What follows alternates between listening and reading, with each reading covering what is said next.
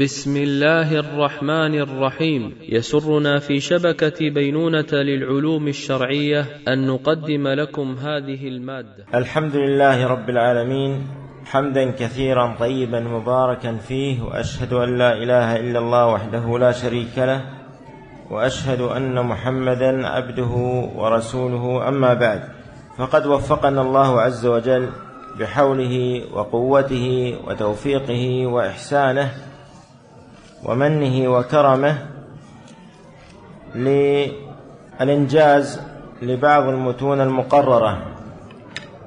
قد انتهينا بحمد الله من متن التوحيد ودرسنا فيه ما يقرب من تسعة وثلاثين حديثا وهذا فضل الله. وانتهينا ولله الحمد من شرح الأرجوزة المئية. في السيرة النبوية وهي المادة الثانية. وهذا إحسان من الله والحمد لله.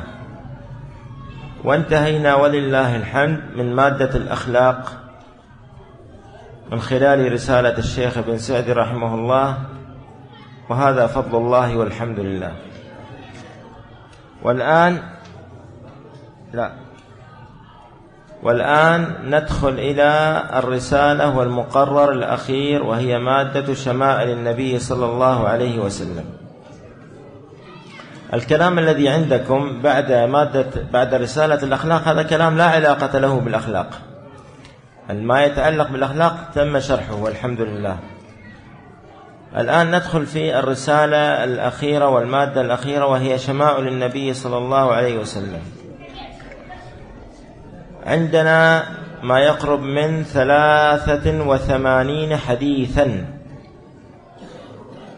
نريد إخواني أن نتعاون على إنجازها ودراستها. فأرجو التكرم بإعانتي على ذلك لأنها متعلقة بشمائل النبي صلى الله عليه وسلم. فالذي أرجوه منكم أولا الاهتمام والإقبال والتركيز. وثانيا عندنا غدا وبعد غدا إجازة. أليس كذلك؟ إجازتكم الرسمية السبت والأحد أليس كذلك؟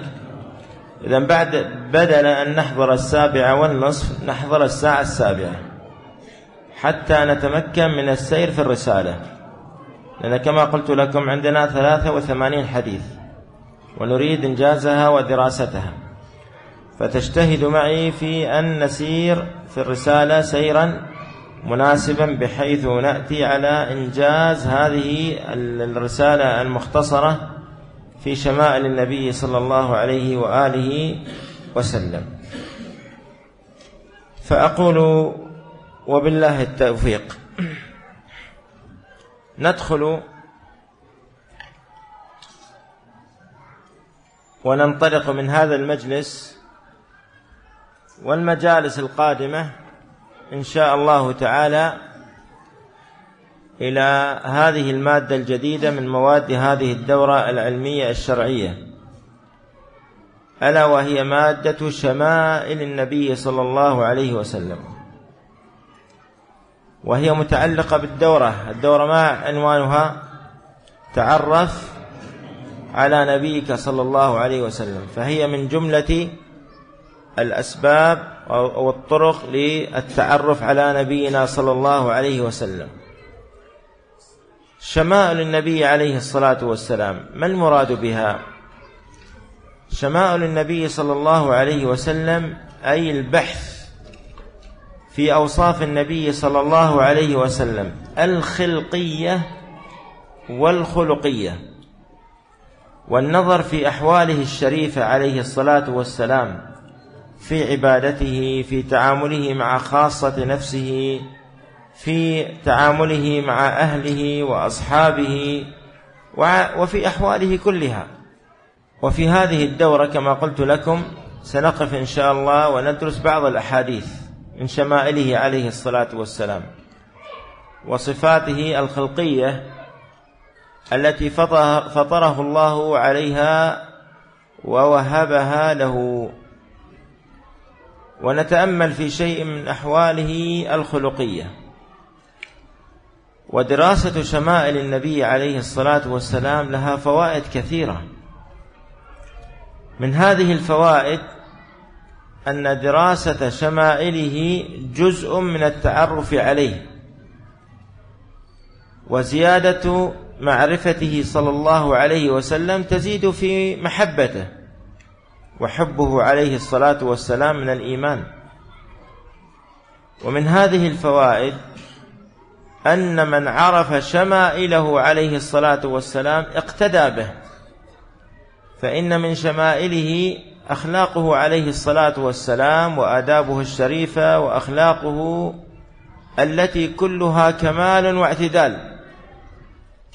إذا قال سفيان الثوري سفيان بن عيينة رحمه الله إن رسول الله صلى الله عليه وسلم هو الميزان الأكبر. قال فعليه تعرض الأشياء على خلقه وسيرته وهديه. فما وافقها فهو الحق وما خالفها فهو الباطل. ومن فوائد دراسة الشمائل معرفة قدر بعثة نبينا صلى الله عليه وسلم.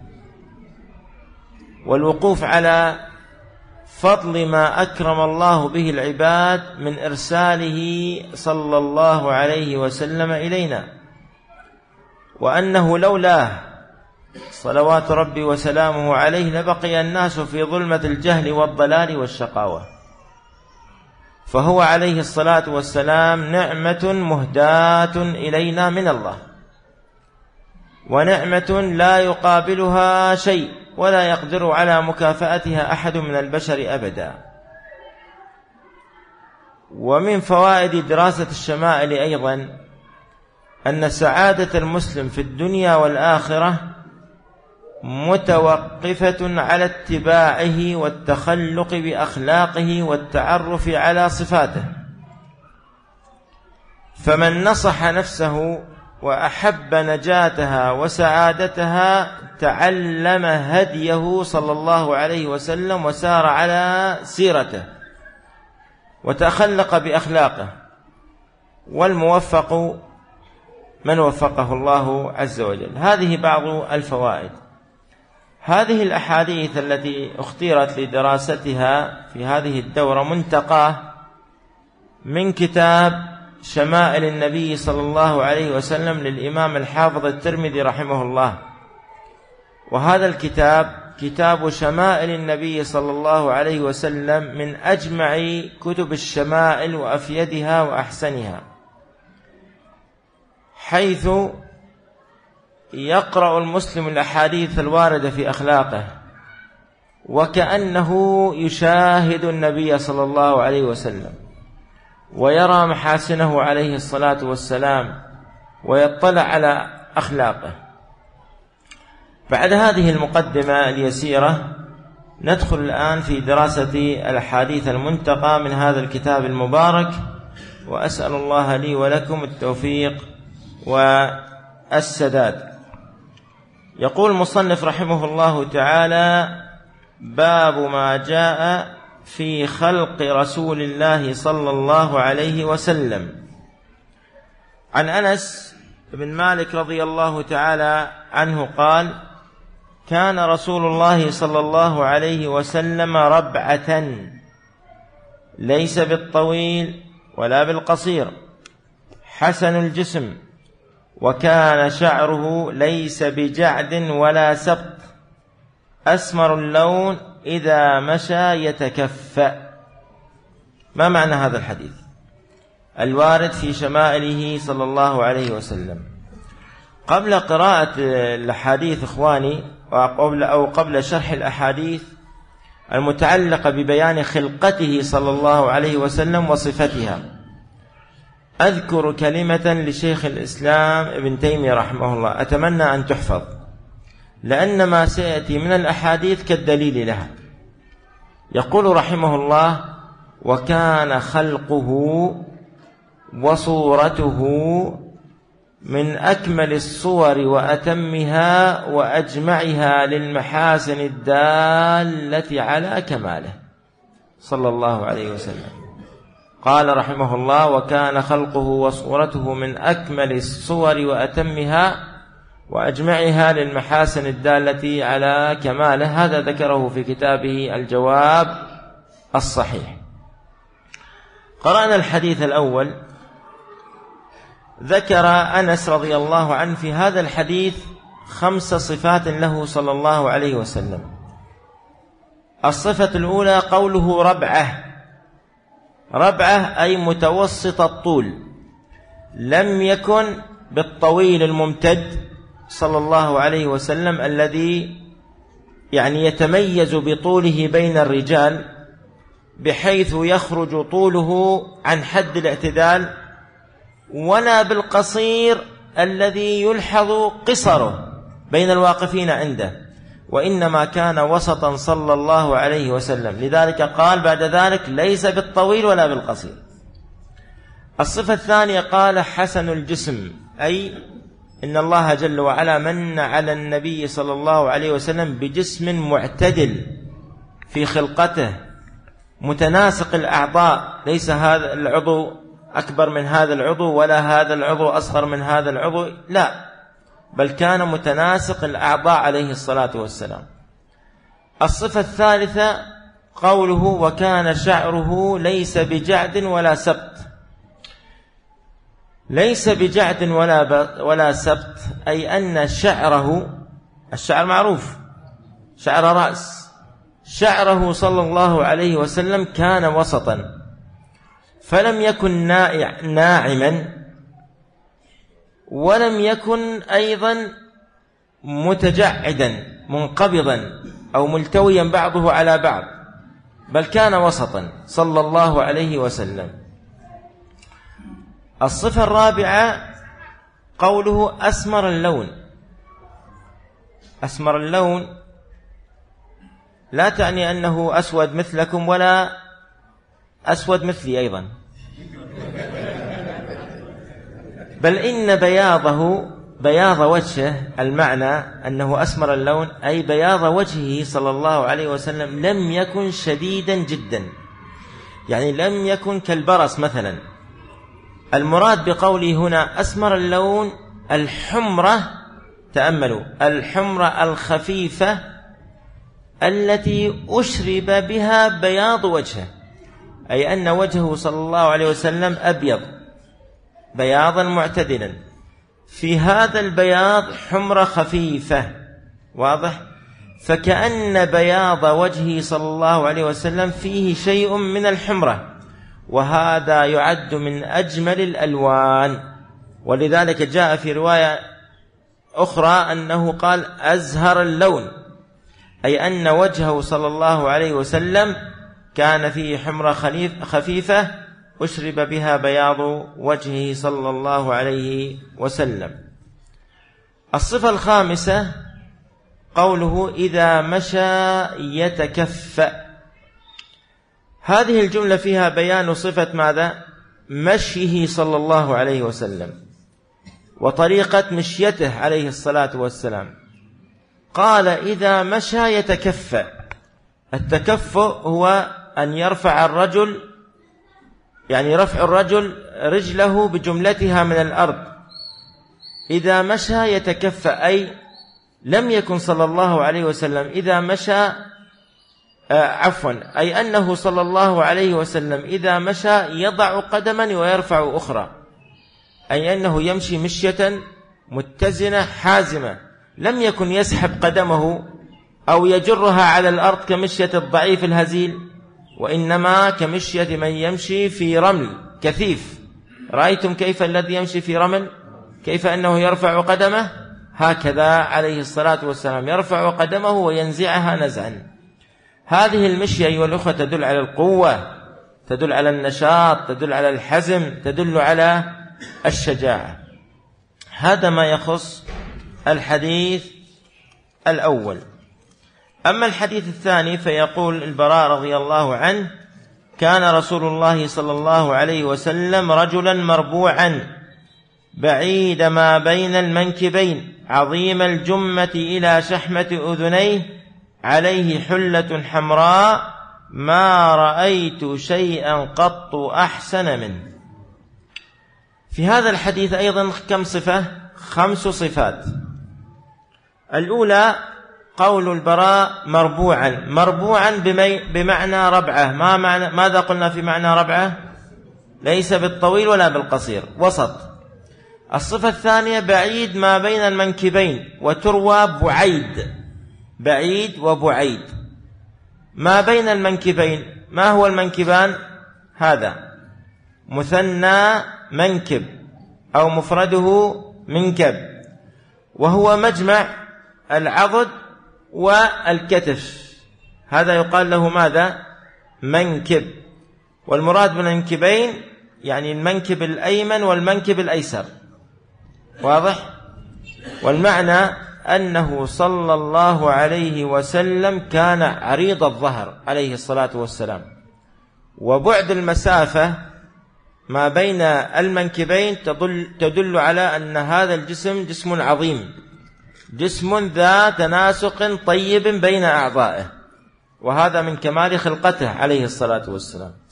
الصفة الثالثة قول البراء عظيم الجمة إلى شحمة أذنيه ما هي الجمة؟ الجمة هي يعني شعر الرأس. المعنى أنه كان عظيم الجمة إلى شحمة أذنه. هذه شحمة الأذن. انظروا إليها. هذه يسمى شحمة الأذن. فكان شعره صلى الله عليه وسلم يصل إلى هذا الحد. واضح؟ فهذه الجملة فيها ماذا؟ فيها وصف شعر النبي عليه الصلاة والسلام. وهذا الكلام من البراء يدل على أن على وفرة شعره صلى الله عليه وسلم. وعلى كثافة شعره أيضا صلوات ربي وسلامه عليه. الصفة الرابعة عليه حلة حلة حمراء. ما هي الحلة؟ الحلة أي اللباس. إذا كان مكونا من قطعتين. إذا كان مكون اللباس من قطعتين كالإزار مثلا أو الرداء. الرداء الذي يكون أعلى البدن والإزار الذي يكون أسفل البدن. يقال له ماذا؟ حلة. فالحلة هي اللباس إذا كان مكونا من قطعتين. معنى عليه حلة حمراء أي إن هذا اللون الأحمر لم يكن إحمراره خالصا.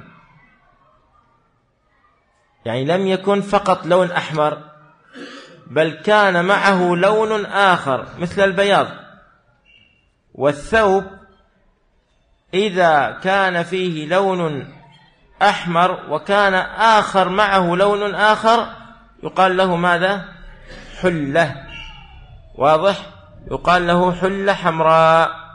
الثوب إذا كان فيه لون أحمر وكان آ لون آخر معه أيضا يقال له لون أحمر هكذا بإطلاق. واضح؟ هذه الجملة فيها ماذا؟ فيها وصف لباس النبي عليه الصلاة والسلام.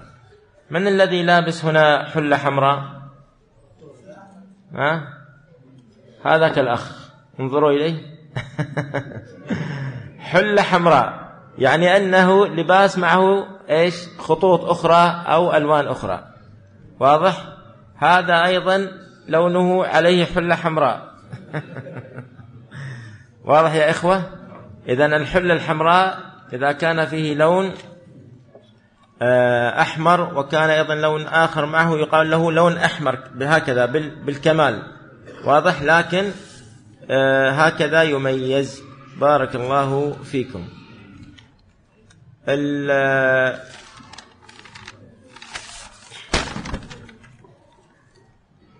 الصفة الخامسة الصفة الخامسة التي ذكرها البراء هنا قوله رضي الله عنه ما رأيت شيئا قط أحسن منه. أي من النبي صلى الله عليه وسلم. تأملوا هنا إخواني قول البراء. لم يقل ما رأيت إنسانا. أليس كذلك؟ إنما قال ما رأيت شيئا. لما قال ما رأيت شيئا هذا يعم كل شيء جميل. كل شيء حسن رآه فالنبي صلى الله عليه وسلم أجمل منه. وقوله قط يعني دائما وباستمرار ما رأى رضي الله تعالى عنه شيئا أحسن من نبينا صلى الله عليه وسلم. وهذه الجملة فيها أخواني إيش؟ كمال خلقته صلى الله عليه وسلم. فيها جمال صورته عليه الصلاة والسلام.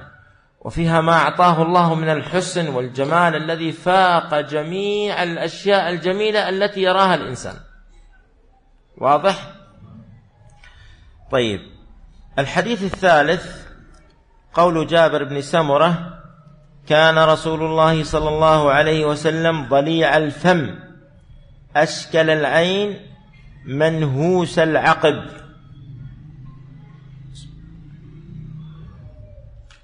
هذا الحديث فيه كم كم صفة؟ ثلاثة أوصاف. الوصف الأول قوله ضليع الفم. ضليع الفم فسر بتفسيرين أو بمعنيين. ضليع الفم أي عظيم الفم أي إن فمه عليه الصلاة والسلام لم يكن صغيرا بل كان متسعا. واتساع فمه متناسب مع خلقته عليه الصلاة والسلام في سائر بدنه. المعنى الثاني ضليع الفم أي أن هذا كناية عن فصاحته العالية وعن عباراته القوية وعن ألفاظه العظيمة التي كان يقولها عليه الصلاة والسلام. وهذا وصف صحيح. فالنبي عليه الصلاة والسلام أعطي ماذا؟ جوامع الكلم. قد يك وقد كان يقول عليه الصلاة والسلام العبارات القليلة المليئة بماذا؟ بالمعاني الواسعة. ولا يمنع أن يكون المعنيين صحيحين. الوصف الثاني قال أشكل العين. الشكل في العين أيها الإخوة هي حمرة في بياض العين. يعني أن العين تكون بيضاء ففيها بعض الحمرة. هذه الحمرة التي فيها بياض مع فيها بياض العين يقال لها ماذا؟ شكلة. وهذا أمر تمدح به العين بل تكون العين جميلة جدا به. واضح؟ المعنى أن في بياض عينه صلى الله عليه وسلم حمرة يسيرة مع سعة العين أيضا. الوصف الثالث قوله منهوس العقب. العقب معروف وهو مؤخر القدم. ومعنى منهوس العقب أي أنه قليل اللحم في مؤخر القدم. وهذا في وهذا فيه إشارة إلى دقة في أسفل ساقيه صلى الله عليه وسلم بمعنى أن ساقيه ليس فيها ضخامة ليس فيها انتفاخ وهذا يدل على ماذا؟ على كمال خلقته صلى الله عليه وسلم ربما لا تتصورون أو تستوعبون المعنى الذي أقوله لكم لكن أتمنى من الجميع أن يرجع إلى التسجيل وأن يسمع التسجيل مرة أولى وثانية وثالثة وينظر أيضا إلى الأحاديث ويتأمل فيها ويكتب حتى تتضح له الصورة تماما. الحديث الرابع عن أبي إسحاق قال سأل رجل البراء بن عازب رضي الله عنه أكان أكان وجه رسول الله صلى الله عليه وسلم مثل السيف؟ قال لا. بل مثل القمر. قوله مثل السيف يحتمل أنه يعني مثل السيف اللمعان أو الصفاء أو البياض ويحتمل أنه مثل السيف أي في الطول والاستقامة في طول الوجه واستقامته. فقال البراء لا بل مثل القمر أي وجه النبي صلى الله عليه وسلم مثل القمر في تلألؤه. وفي نوره وفي دوام ضيائه وفي إشراقه وفي استدارته أيضا. يعني لم يكن بالمستدير الدائر ولا كأنه وجهه دقيق جدا لا لا بل كان معتدلا عليه الصلاة والسلام. ووصف وجهه صلى الله عليه وسلم بالقمر لأن التشبيه بالقمر أيها الإخوة يراد به إيش؟ يعني الملاحة. يراد به الجمال. فجمع صلى الله عليه وسلم في تشبيه وجهه بالقمر بين الحسن والجمال وبين شيء من الاستدارة. واضح؟ فلم يكن صلى الله عليه وسلم وجهه تام الاستدارة كما قلت لكم بل كان بين الاستدارة وغيرها وكان وجهه صلى الله عليه وسلم مشرقا مضيئا متلألئا تلألؤ القمر. الحديث الخامس عن سعيد الجريري قال سمعت أبا الطفيل يقول رأيت النبي صلى الله عليه وسلم وما بقي على وجه الأرض أحد رآه غيري. قلت صفه صفه لي يعني بين لي شيء من صفاته. قال كان أبيض مليحا مقصدا. أبو الطفيل من هو؟ الذي روى عنه سعيد الجريري. أبو الطفيل هذا هو صحابي جليل. اسمه ماذا؟ اسمه عامر ابن واثلة ابن عبد الله الليثي. وهذا الصحابي أبو الطفيل هو آخر من مات من الصحابة. وعمر رضي الله عنه مات سنة عشر ومئة من الهجرة. قوله رضي الله عنه كان أبيض سبق معنى البياض في وصفه صلى الله عليه وسلم. في قوله آه، في قول أبي في قول البراء كان آه، مثل القمر. لا بل مثل القمر. وقوله مليحا الملاحة أيضا تقدمت الإشارة إلى معناها وهي الجمال والحسن في الهيئة والبشرة. كان وجهه عليه الصلاة والسلام وبشرته طيبة عليه الصلاة والسلام. قوله مقصدا أي وسطا معتدلا. وهذا معنى قوله ربعة فكان صلى الله عليه وسلم وسطا من حيث الطول وأيضا وسطا من حيث البشرة وأيضا وسطا من حيث الجسم ووسطا أيضا من حيث الشعر. عليه الصلاة والسلام. واضح أيها الإخوة؟ طيب. ننتقل إلى الحديث. رقم السادس نعم. قال المصنف رحمه الله تعالى باب ما جاء في خاتم النبوة. عن السائب بن يزيد رضي الله عنه قال ذهبت بي خالتي إلى النبي صلى الله عليه وسلم. فقلت فقالت يا رسول الله إن ابن أختي وجع. وجع أي به مرض. وجع أي أنه مريض. جاء في بعض الروايات الثابتة أن هذا الوجع كان في قدمه. فمسح صلى الله عليه وسلم رأسي وهذا من لطفه صلى الله عليه وسلم بالصغار ومؤانسته لهم. ودعا لي بالبركة أي سأل الله لي حصول الخير وزيادته. وكان هذا الدعاء مباركا على من؟ على السائب رضي الله عنه. كان من بركة هذا الدعاء أن السائب عاش ستا وتسعين سنة. وكان جسمه قويا معتدلا متماسكا مع وصوله إلى تلك المرحلة العمرية. وهذا كما قلت لكم من بركة دعاء النبي صلى الله عليه وسلم. وتوضأ من؟ النبي صلى الله عليه وسلم. قال فشربت من وضوئه. لماذا شرب من وضوئه؟ طلبا لبركة النبي صلى الله عليه وآله وسلم. هذا الباب وهو باب ما جاء في خاتم النبوة يتعلق بصفة النبي صلى الله عليه وسلم الخلقية. لأن من صفته الخلقية أيها الإخوة هذا الخاتم وهو خاتم النبوة الذي جعله الله فيه. تقدم معنا في الأرجوزة. ماذا؟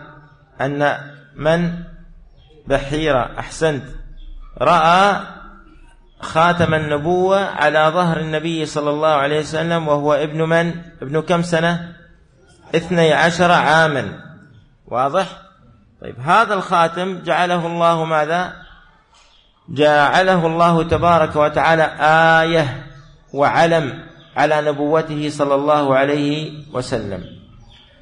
هذا الخاتم ما هو هذا الخاتم وهو خاتم النبوة جزء بارز من البدن بين كتفي النبي صلى الله عليه وسلم. موضعه بالتحديد هو إلى الكتف الأيسر أقرب. فهذا الباب فيه ماذا إذن؟ فيه صفة هذا الخاتم. كيف هو؟ ماذا قال السائب؟ قال فنظرت إلى الخاتم بين كتفيه. فنظرت إلى الخاتم بين كتفيه. خاتم النبوة لم يكن كما قلت لكم بين كتفيه تماما بل هو إلى الجهة اليسرى أقرب. أي أنه صلى الله عليه وسلم لم يكن أي أن هذا الخاتم لم يكن في منتصف الكتف بل كان مائلا إلى الجهة اليسرى قليلا. قوله فإذا هو مثل زر الحجلة. الحجلة تعرفونها؟ الحجلة طائر معروف وهو يشبه الحمامة في شكلها وحجمها. لو كتبتم الآن في في جوجل. صورة طائر سر صورة طائر الحجلة. سيخرج لكم من هو طائر الحجلة هذا. تفهمونه جيدا إن شاء الله. فهو فإذا هو مثل زر الحجلة أي إن خاتم النبوة وهو هذا الجزء البارز من جسده عليه الصلاة والسلام قريب في حجمه من بيض هذا الطائر وهو طير وهو طائر الحجلة. واضح؟ يعني جزء بسيط بارز ظاهر هكذا آه، في ظهره صلى الله عليه وسلم. هذا ما يتعلق بهذا الحديث. قال المصنف رحمه الله باب ما جاء في شعر رسول الله صلى الله عليه وسلم. عن أنس بن مالك رضي الله عنه قال كان شعر رسول الله صلى الله عليه وسلم إلى نصف اذنيه هذه الترجمة طبعا فيها بيان صفة ماذا؟ شعر النبي عليه الصلاة والسلام من حيث طوله ومن حيث آه، العناية به. وفي هذا الحديث أن شعر عفوا أن شعر النبي عليه الصلاة والسلام كان إلى نصف ها الأذنين. قال إلى نصف أذنين. تقدم في الحديث الثاني معنا قبل قليل أنه صلى الله عليه وسلم كان ماذا؟ عظيم الجمة إلى شحمة أذنيه. صح؟ طيب تقدم المعنى أنه, أنه عليه الصلاة والسلام كان عظيم الشعر إلى شحمة أذنيه وأن شعره عليه الصلاة والسلام كان يضرب كتفه أحيانا وكان ينزل على منكبه أحيانا. فهذا الحديث فيه آه، بيان طول شعره صلى الله عليه وسلم وفيه بيان وفرة شعره وفيه كثافة شعره وأنه كان ينزل من أعلى الرأس إلى منتصف الأذن. هكذا كان الناس في تلك الفترة في الجاهلية وهكذا كان المجتمع. فكان عليه الصلاة والسلام يساير مجتمعه صلى الله عليه وسلم ولم يكن يخالفه. أما في مجتمعنا الآن فلو لوحظ أن شعر الرجل ينزل إلى منكبه. مقبول؟ غير مقبول. إذا هذا بحسب العرف. وهذا راجع إلى مجتمعات المسلمين. فبعض المجتمعات مثلا آه، لا زال هذا الأمر معروفا عندهم. لكن لا يضرب لا يضرب الشعر الظهر لا. يكون طويلا طولا معقولا. واضح إن شاء الله؟ بارك الله فيكم. الحديث الثامن عن ابن عباس رضي الله عنهما أن رسول الله صلى الله عليه وسلم كان يسدل شعره. وكان المشركون يفرقون رؤوسهم. وكان أهل الكتاب يسدلون رؤوسهم. وكان يحب موافقة أهل الكتاب فيما لم يؤمر فيه بشيء. ثم فرق رسول الله صلى الله عليه وسلم رأسه. انتبهوا. هنا قال كان أن رسول الله صلى الله عليه وسلم كان يسدل شعره. يسدل شعره أي أنه صلى الله عليه وسلم كان يترك شعره على حاله. لم يكن يعني يعني يعبث فيه صلى الله عليه وسلم أو أنه كان يتعامل معه بمعاملة خاصة بحيث يحرك بعض الشعر عن بعض. فينزل الشعر على ماذا؟ على جبهته ويتدلى. هذا معنى يعني يسدل شعره. قوله وكان المشركون يفرقون رؤوسهم. فرق الرأس هو ها تقسيم شعر الرأس من هنا. فرق الرأس هو تقسيمه بحيث يكون ماذا؟ شعر الرأس من وسط ها من وسطه إلى نصفين. يفرقه من هنا يجعل شيئا من جهته هنا وشيئا من جهته هنا. أحدهما إلى الجهة ها اليمين والآخر إلى جهة الشمال أو اليسار. قوله وكان أهل الكتاب يسدلون شعورهم وكان يحب موافقة أهل الكتاب فيما لم يؤمر فيه بشيء. المعنى أن النبي صلى الله عليه وسلم هنا وافق أهل الكتاب أم وافق المشركين؟ وافق أهل الكتاب. لماذا؟ لأن عند أهل الكتاب كتاب سماوي من حيث العموم يعني. فكان يحب صلى الله عليه وسلم أن يوافقهم في بعض أعمالهم التي جاءت في كتبهم. وهذا طبعا كان في أول الإسلام. قال الراوي ثم فرق رسول الله صلى الله عليه وسلم رأسه أي استقر على هذا فكان آخر الأمرين منه صلى الله عليه وسلم أنه كان يفرق رأسه ويجعله قسمين أحدهما عن اليمين والآخر عن اليسار وهذا كان من وحي كان وحيا من الله له. ولهذا قال علماؤنا إن فرق شعر الرأس سنة وهو الذي رجع إليه نبينا صلى الله عليه وسلم. واضح؟ نستمر؟ طيب. الحديث التاسع عن عائشة رضي الله عنها عفوا قال المصنف رحمه الله باب ما جاء في ترجل رسول الله. عن عائشة رضي الله عنها قالت إن كان رسول الله صلى الله عليه وسلم لا يحب التيمن في طهوره إذا تطهر وفي ترجله إذا ترجل وفي انتعاله إذا انتعل. قال المصنف باب ما جاء في ترجل رسول الله. ما هو الترجل؟ ها؟ أحسنت الترجل هو العناية بالشعر. الترجل هو تنظيف الشعر والعناية به وتمشيطه وأيضا وضع الدهن فيه. كل هذا يدخل في ماذا؟ في ترجل الشعر. معنى قول المصنف باب ما جاء في ترجل الشعر في ترجل رسول الله صلى الله عليه وسلم أي كيف كان النبي صلى الله عليه وسلم يعتني بشعره؟ وكيف كان هديه صلى الله عليه وسلم في ذلك؟ نبينا صلى الله عليه وسلم كان وسطا في اهتمامه بشعره.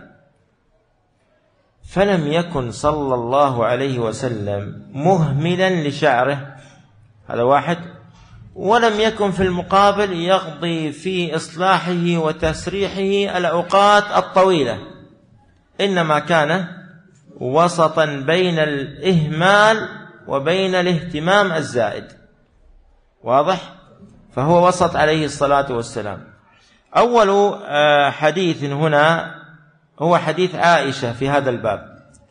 فيه بيان حبه صلى الله عليه وسلم للبدء باليمين في كل شؤونه حيث قالت إن كان رسول الله صلى الله عليه وسلم ليحب التيمن في طهوره في طهوره إذا تطهر أي في وضوئه فكان عليه الصلاة والسلام إذا توضأ بدأ باليمين في ماذا؟ في يده وبدأ باليمين أيضا في غسل قدمه أليس كذلك؟ هذا معنى في طهوره إذا تطهر أي في وضوئه إذا أراد أن يتوضأ فإنه يبدأ باليمين فيغسل اليد اليمنى قبل اليسرى. وهكذا الرجل يبدأ بغسل اليمنى قبل اليسرى. وهكذا في الاغتسال. فإنه صلى الله عليه وسلم يبدأ بماذا؟ بجهة اليمين بالشق الأيمن قبل الأيسر. وهذه طبعا إخواني من السنن. التي آه، على المسلم الحريص على السنة أن يطبقها لأن من طبق هذه السنة فيما بينه وبين نفسه في وضوءه أو في اغتساله وهو في داخل الخلاء لا يطلع عليه أحد أليس كذلك؟ فتطبيقه لهذه السنة يدل على إخلاصه. وتطبيقه لهذه السنة فيما بينه وبين الله يدل على حبه للنبي صلى الله عليه وسلم. لأن المرأة في خلوته أثناء اغتساله كما قلت لا يعلم به أحد ولا يطلع على عمله إلا الله. واضح؟ فطبقوا هذه السنة بارك الله فيكم ما استطعتم. وقوله في ترجله إذا ترجل يعني إذا سرح أو قام بتمشيط شعره بدأ بالجانب الأيمن قبل الأيسر. وهكذا لو دهنه أيضا بدأ بالناحية اليمنى قبل اليسرى. وهكذا لو حلق شعره أو قصره أيضا سواء في حج أو عمرة أو لغير ذلك فإنه يبدأ بالجهة اليمنى قبل اليسرى. يأمر الحلاق يقول ابدأ بالجهة اليمنى. طيب. بارك الله فيكم. صح سنة. وقوله قولها رضي الله عنها وفي انتعاله إذا انتعل أي أنه عليه الصلاة والسلام إذا أراد أن يلبس نعليه. بدأ بماذا؟ بالقدم اليمنى قبل اليسرى. وإذا أراد أن يخلع بدأ باليسرى قبل اليمنى. طبقوا هذه السنة إذا خرجتم. طيب بارك الله فيكم. طيب الحديث العاشر قالت عائشة رضي الله عنها كنت أرجل رسول الله صلى الله عليه وسلم وأنا حائض. قولها كنت أرجل رسول الله صلى الله عليه وسلم أي أمشط شعر رأسه.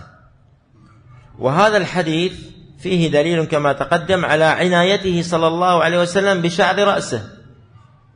وفيه دليل أيضا على جواز ترجيل على جواز ترجيل المرأة رأس زوجها شعر رأس زوجها ولو كانت حائضا. وهذا العمل فيه إخواني فيه الود فيه الملاطفة فيه المؤانسة بين الزوجين. ويدل أيضا على أن الحائض لها أن تلمس زوجها. ويدل أيضا على أن الحائض ليست بنجس وعلى أن الحائض تمارس أعمالها بشكل طبيعي جدا ولا تمتنع إلا ما ورد الشرع بمنعها منه كالصلاة والصيام ولمس القرآن مباشرة ونحو ذلك واضح؟ طيب ننتقل إلى الحديث الحادي عشر باب ما جاء في شيب رسول الله صلى الله عليه وسلم. عن قتادة قال كنت قلت لأنس بن مالك هل خضب رسول الله صلى الله عليه وسلم؟ قلت لم يبلغ ذلك. إنما كان شيبا في صدغيه ولكن أبو بكر رضي الله عنه خضب بالحناء والكتم. هذه الترجمة متعلقة أيضا بخلقته عليه الصلاة والسلام. يقول باب ما جاء في شيب رسول الله. الشيب ما هو الشيب؟ الشيب تحول لون الشعر من لونه الأصلي الذي هو السواد إلى البياض. واضح؟ كما هو بالنسبة للشيخ مسعود. فهو يعتبر عنده شيب كثيف أيضا. والشيخ غزالي ما شاء الله شباب. اللهم بارك. لأن الشعر سواد يا شيخ غزالي ما شاء الله الله يبارك. طيب هذا هو الشيب. الشيب قلنا إيش؟ تحول لون الشعر من اللون الأصلي وهو السواد إلى اللون الأبيض. هذه الترجمة باب ما جاء في شيب رسول الله صلى الله عليه وسلم فيها بيان شيب النبي عليه الصلاة والسلام. هل وجد الشيب والشعر يعني شعر الشيب فيه صلى الله عليه وسلم أم لم يوجد؟ طيب إذا وجد فيه صلى الله عليه وسلم شيب أين مواضعه؟ هذا معنى الترجمة. يقول أول حديث ورده هنا هو حديث أنس بن مالك. يقول قتادة لأنس هل خضب رسول الله صلى الله عليه وسلم؟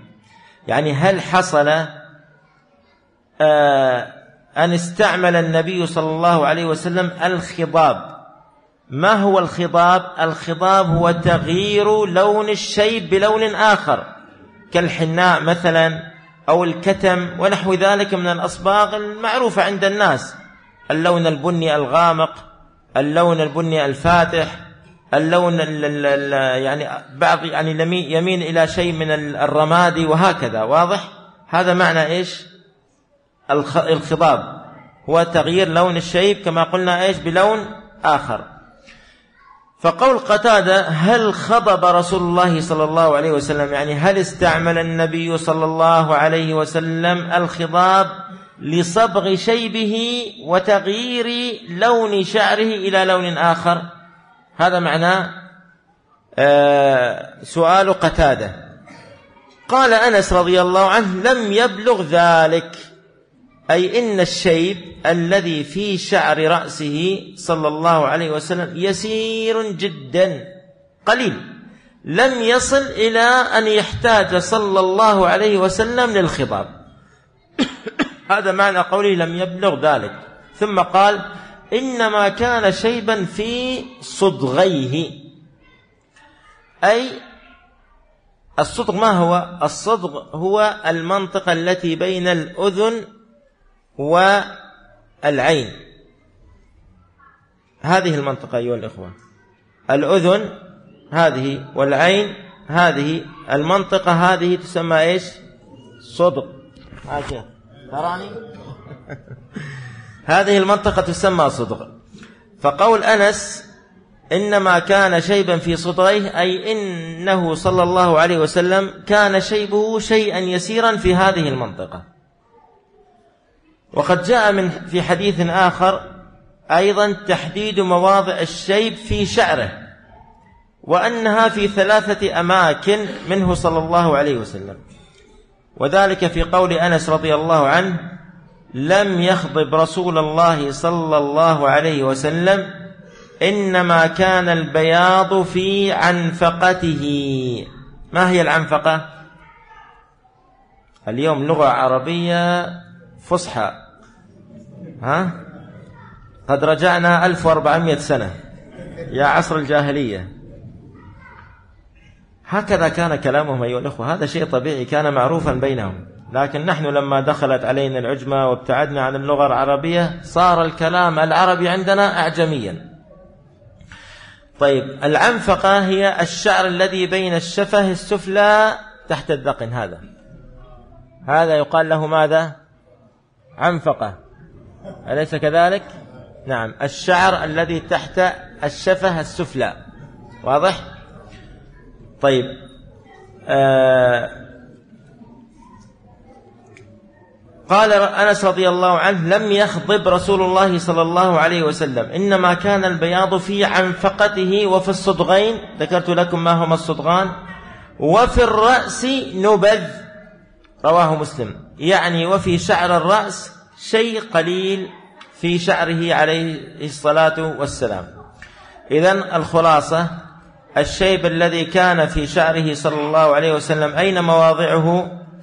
في الصدغ ها في ما اسمها؟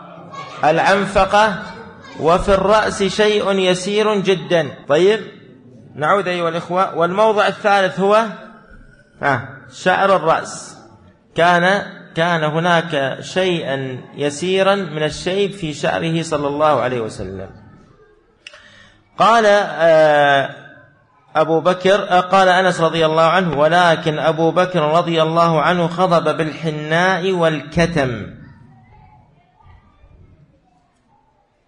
أي غير أبو بكر رضي الله عنه الشيب الذي كان فيه بهذين الأمرين إما بالحناء وإما بالكتم. الحناء معروفة. تعرفون الحناء الحناء معروفة. نعم. وكان أبو بكر يستعمله في ماذا؟ في تغيير الشيب. الكتم أيضا شجرة معروفة تستعمل في آه، صبغ الشعر وتغيير وتغيير اللون. آه، أقول لكم أيضا أيضا يعني إذا لم تفهموا هذه افتحوا على جوجل. واكتبوا شجرة الكتم. ستظهر لكم صورتها بإذن الله عز وجل. نعم. طيب.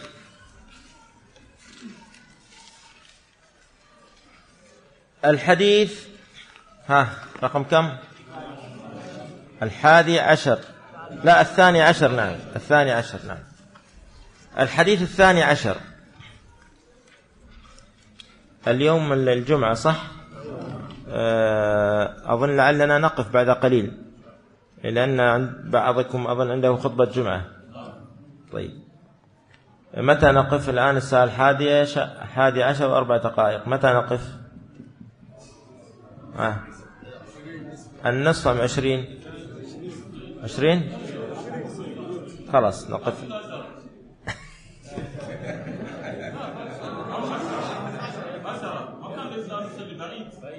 بعيد جدا شيخ.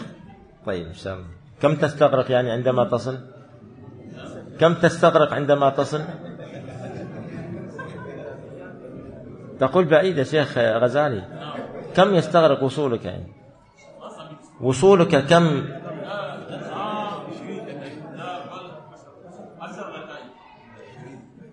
خلاص. مع السيارة ولا ما معك سيارة؟ مع السيارة عشر دقائق. خلاص تنتهي 11 ونصف إن شاء الله. قبل قبل ذلك إن شاء الله. أنا أحب غزالي جدا فلذلك أحب أن أمازحه. بارك الله فيكم. آه الحديث الثاني عشر عن أنس عن سماك بن حرب قال سمعت جابر بن سمر رضي الله عنه وقد سئل عن شيب رسول الله صلى الله عليه وسلم فقال كان إذا دهن رأسه لم ير منه شيب. وإذا لم يدهن رؤي منه. قول آه، جابر بن سمر رضي الله عنه كان رسول الله صلى الله عليه وسلم إذا ادهن. هذا يفيد ما كان عليه نبينا عليه الصلاة والسلام كما تقدم من العناية بشعره والاهتمام به وذلك بدهنه بالزيت الذي ماذا يدهن به الشعر على عادة العرب في وقتهم. قوله ولم يرى منه شيب. كان إذا دهن رأسه لم يرى منه شيب. يعني الشيب الذي كان في شعره عليه الصلاة والسلام يختفي إذا وجد الدهن. وهذا يدل على ماذا إخواني؟ أيضا على قلة الشعرات البيض في رأسه عليه الصلاة والسلام. فلا, فلا يتبين الشيب لقلة الشعر الأبيض. لأن الدهن كان يخفي ماذا؟ الشيب ويستره.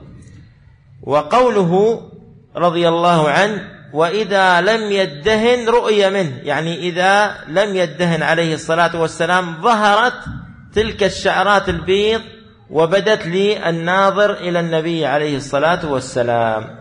واضح؟ طيب. الحديث الثالث عشر عن ابن عباس رضي الله عنهما قال قال أبو بكر رضي الله عنه يا رسول الله قد شبت. فقال عليه الصلاة والسلام شيبتني هود والواقعة والمرسلات وعما يتساءلون وإذا الشمس كورت. قول أبي بكر رضي الله عنه يا رسول الله شبت أي ظهر عليك الشيب. وبدا في شعرك ماذا البياض. ليس المقصود كما يعني تقدم أن الشيب عمم رأسه عليه الصلاة والسلام. قوله عليه الصلاة والسلام شيبتني هود إلى آخره.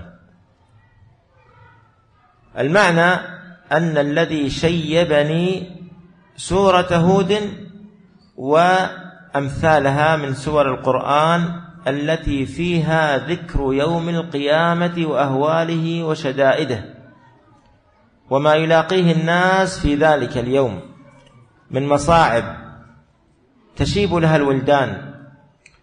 فلهذا قال عليه الصلاة والسلام من سره أن ينظر إلى يوم القيامة كأنه رأي عين فليقرأ إذا الشمس كورت وإذا السماء انفطرت وإذا السماء انشقت. اقرأوا هذه السور ترون فيها أهوال يوم القيامة ظاهرة كأن الإنسان يشاهدها. فهذه السور شيبت النبي عليه الصلاة والسلام لما فيها من وصف يوم القيامة وما كان يحدثه فيها وما يحدث في ذلك اليوم من شدائد وأهوال وبهذا يعلم أن الشيب الذي وجد في شعره صلى الله عليه وسلم لم يكن بسبب الاهتمام بالدنيا ولا بالرغبة فيها بل كان لأجل ما كان عليه صلى الله عليه وسلم من الاهتمام بآخرته وما كان عليه من الإقبال على الله من الخير والعمل الصالح ليوم القيامة. واضح أيها الإخوة؟ هذا هو المقصود ولعلنا نستجيب إلى طلب أخينا الشيخ غزالي ونقف قبل قبل الحادية عشرة وعشر دقائق. للاستماع إلى الدروس المباشرة والمسجلة والمزيد من الصوتيات يرجى زيارة شبكة بينونة للعلوم الشرعية على الرابط بينونة دوت نت وجزاكم الله خيرا.